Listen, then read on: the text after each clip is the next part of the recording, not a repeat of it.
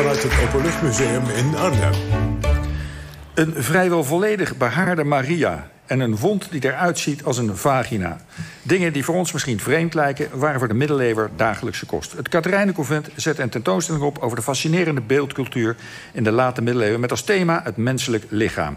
De tentoonstelling Body Language is sinds vrijdag in Utrecht te zien... en kunsthistoricus Sanne Frequent bezocht deze voor ons. Ja, Sanne, uh, goedemorgen. Uh, goedemorgen. die paar dingen die ik net noemde, dat is tekenend voor wat daar te zien is? Ja, dat is zeker tekenend uh, voor, wat dat, voor wat er te zien is. het is, misschien zou je ook kunnen zeggen... een soort griezelkabinet van middeleeuwse afbeeldingen... En heerlijk om daarheen te lopen. Ik heb me bijzonder vermaakt. Ja, en het gaat over het lichaam. Het gaat over het lichaam. De tentoonstelling Body Language, letterlijk de taal van het lichaam. In de kunstgeschiedenis heb je de iconografie. Die onderzoekt wat betekent een afbeelding. En uh, die tentoonstelling doet dat en die zoomt dan dus in op bepaalde lichamelijke details. Vaak niet zo hele frisse lichamelijke details, zou ik... Uh... heb je die voorbeelden bij de hand? ja, nou, ja. kom. Nou, het, misschien wel het allerlekkerste voorbeeld is de zogenaamde vagina-wond. In uh, miniaturen zie je een afbeelding van de zijdewond van Christus. En die heeft dan toch vrij onmiskenbaar de vorm van een vagina. En dan kan je je afvragen, hè, is dat onze uh, zieke geest die dat daarvan uh, maakt. Ik zie uh, Jos een beetje ongelovig naar mij kijken. Ja, ik heb heel, we, hebben, we hebben netjes de kuise middeleeuwen van uh, Huizinga geleerd en zo. Ja, dus, dus ga door, ja, ga vooral ja, nee, door. Gelukkig zijn we inmiddels wat verder sinds, sinds Huizinga. Nee, hè, die, die wond die heeft natuurlijk met een reden de vorm van een vagina... want in de middeleeuwen beeldt men nooit iets af zonder reden.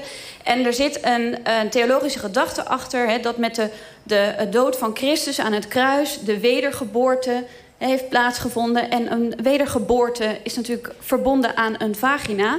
En dan heb je allerlei prachtige mystieke geschriften... waarin bijvoorbeeld nonnen wordt opgeroepen... om net als dat hè, de lans de zijde van Christus heeft gepenetreerd... en is toege, toege, uh, uh, uh, zeg, doorgedrongen tot het hart...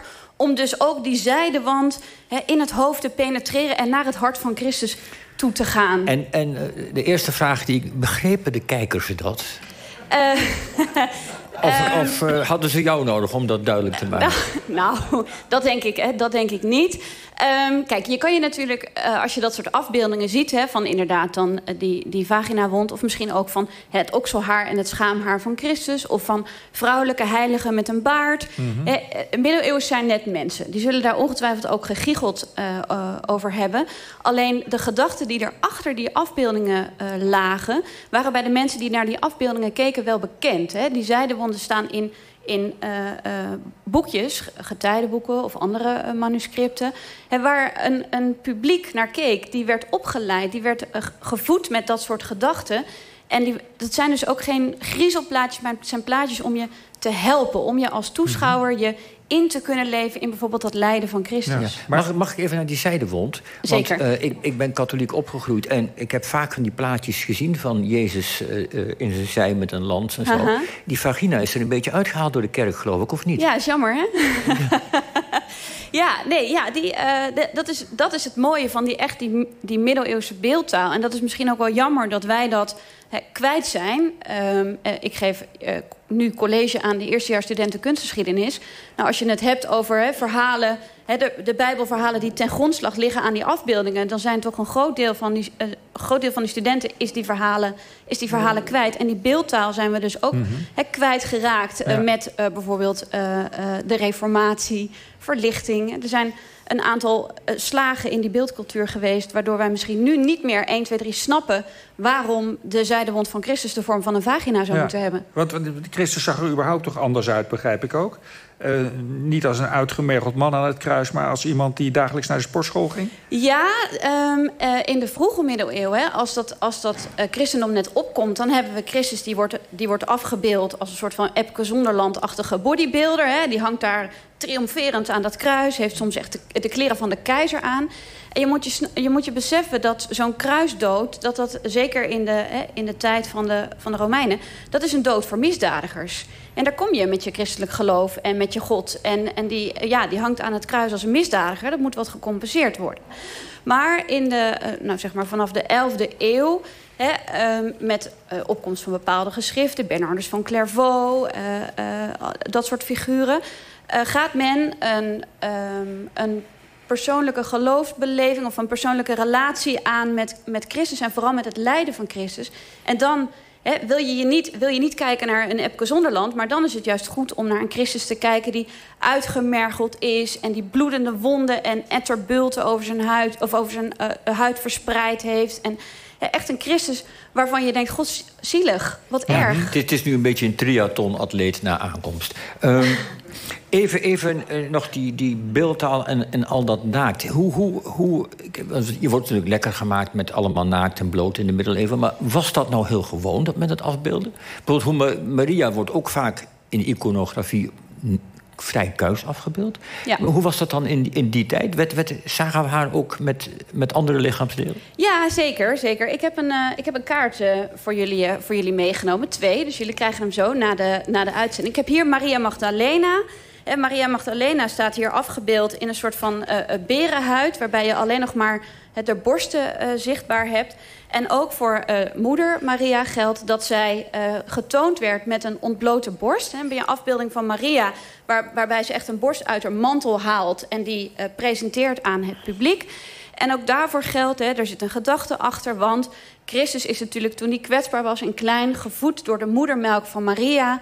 En die moedermelk die maakt dat Maria zo'n bijzondere plek heeft in het, uh, in het christendom. Als zeg maar de, de intermediair tussen, tussen Christus en de mensheid.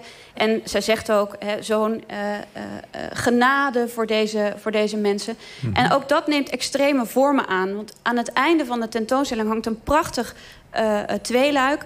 waarop je Christus en Maria gezellig naast elkaar ziet staan. En Christus die is, heeft een ontbloot bovenlijf en die houdt zijn hand bij zijn zijdewond en knijpt daar een beetje in... zodat er een straaltje bloed in een fontein terechtkomt. En daarnaast staat Maria. En Maria heeft haar borst vast en die knijpt daarin... zodat er een straal moedermelk parallel aan die straal bloed... in die fontein des... Ja, er wordt hier gegiegeld, maar het is, het is echt... Uh, in die fontein des levens uh, uh, terechtkomt. En om die fontein heen zitten allemaal engeltjes klaar met kelken om dus dat mengsel van bloed en moedermelk op te vangen. En die kelk die wordt vervolgens leeggegoten over de zielen in het vagevuur. Nou, en duidelijker dan dat hè, kan de middeleeuwse kunstenaar het niet maken. Dat is wat er gebeurt op het altaar. Ja, eh, het is te mooi om waar te zijn allemaal, dit soort symboliek. Um, als je even kijkt naar het heden... kunnen wij wat leren van die middeleeuwse? Is het, want het, het klinkt dat men toch niet zoveel moeite had met naakt. Zijn, zijn wij weer wat... Hoe, hoe kijk je daarnaar? Kunnen we er wat mee? Nou, het, het, deze tentoonstelling gaat natuurlijk niet over de, de uh, normale, tussen aanhalingstekens, middeleeuwse mens. Maar gaat over de verbeelding van hun exempla. Hè, van de mensen aan wie zij zich moesten spiegelen. Christus, Maria en, uh, en de heiligen als je nu zou kijken in de tijd, dan hebben wij natuurlijk ook die exempla. En dat zijn onze, hè, onze influencers en de ja. mensen die we zien op, uh, op tv. En, uh, en die zijn ook niet gekleed altijd, wou je zeggen? Die, nou, zeker, uh, zeker niet. Hoewel ze in, op Facebook natuurlijk wel moeite doen over een, beetje, over een beetje naakt. Maar ik denk dat de parallel met de middeleeuwen is dat men... Hè, dat waar de, de exempla in de middeleeuwen die heiligen waren... dat wij ons nu moeten spiegelen aan de fit girls en, en fit boys. Dus ze ze verspreiden eigenlijk een ander, een ander evangelie. Maar het mechanisme is nog het wel Het lichaam gelijk. wordt weer ingezet. Zeker. Juist, goed. Sanne Vrugge, dankjewel. De tentoonstelling Body Language is tot 17 januari te zien in het uh, Katerijnenconvent. Wij gaan nu even plaatsmaken voor het nieuws van 11 uur. Daarna nog een uur OVT vanuit het Openluchtmuseum... met onder meer Jan Brokken, Paulien Cornelissen... en ook muziek van Spinvis. Tot zo, tot na het nieuws.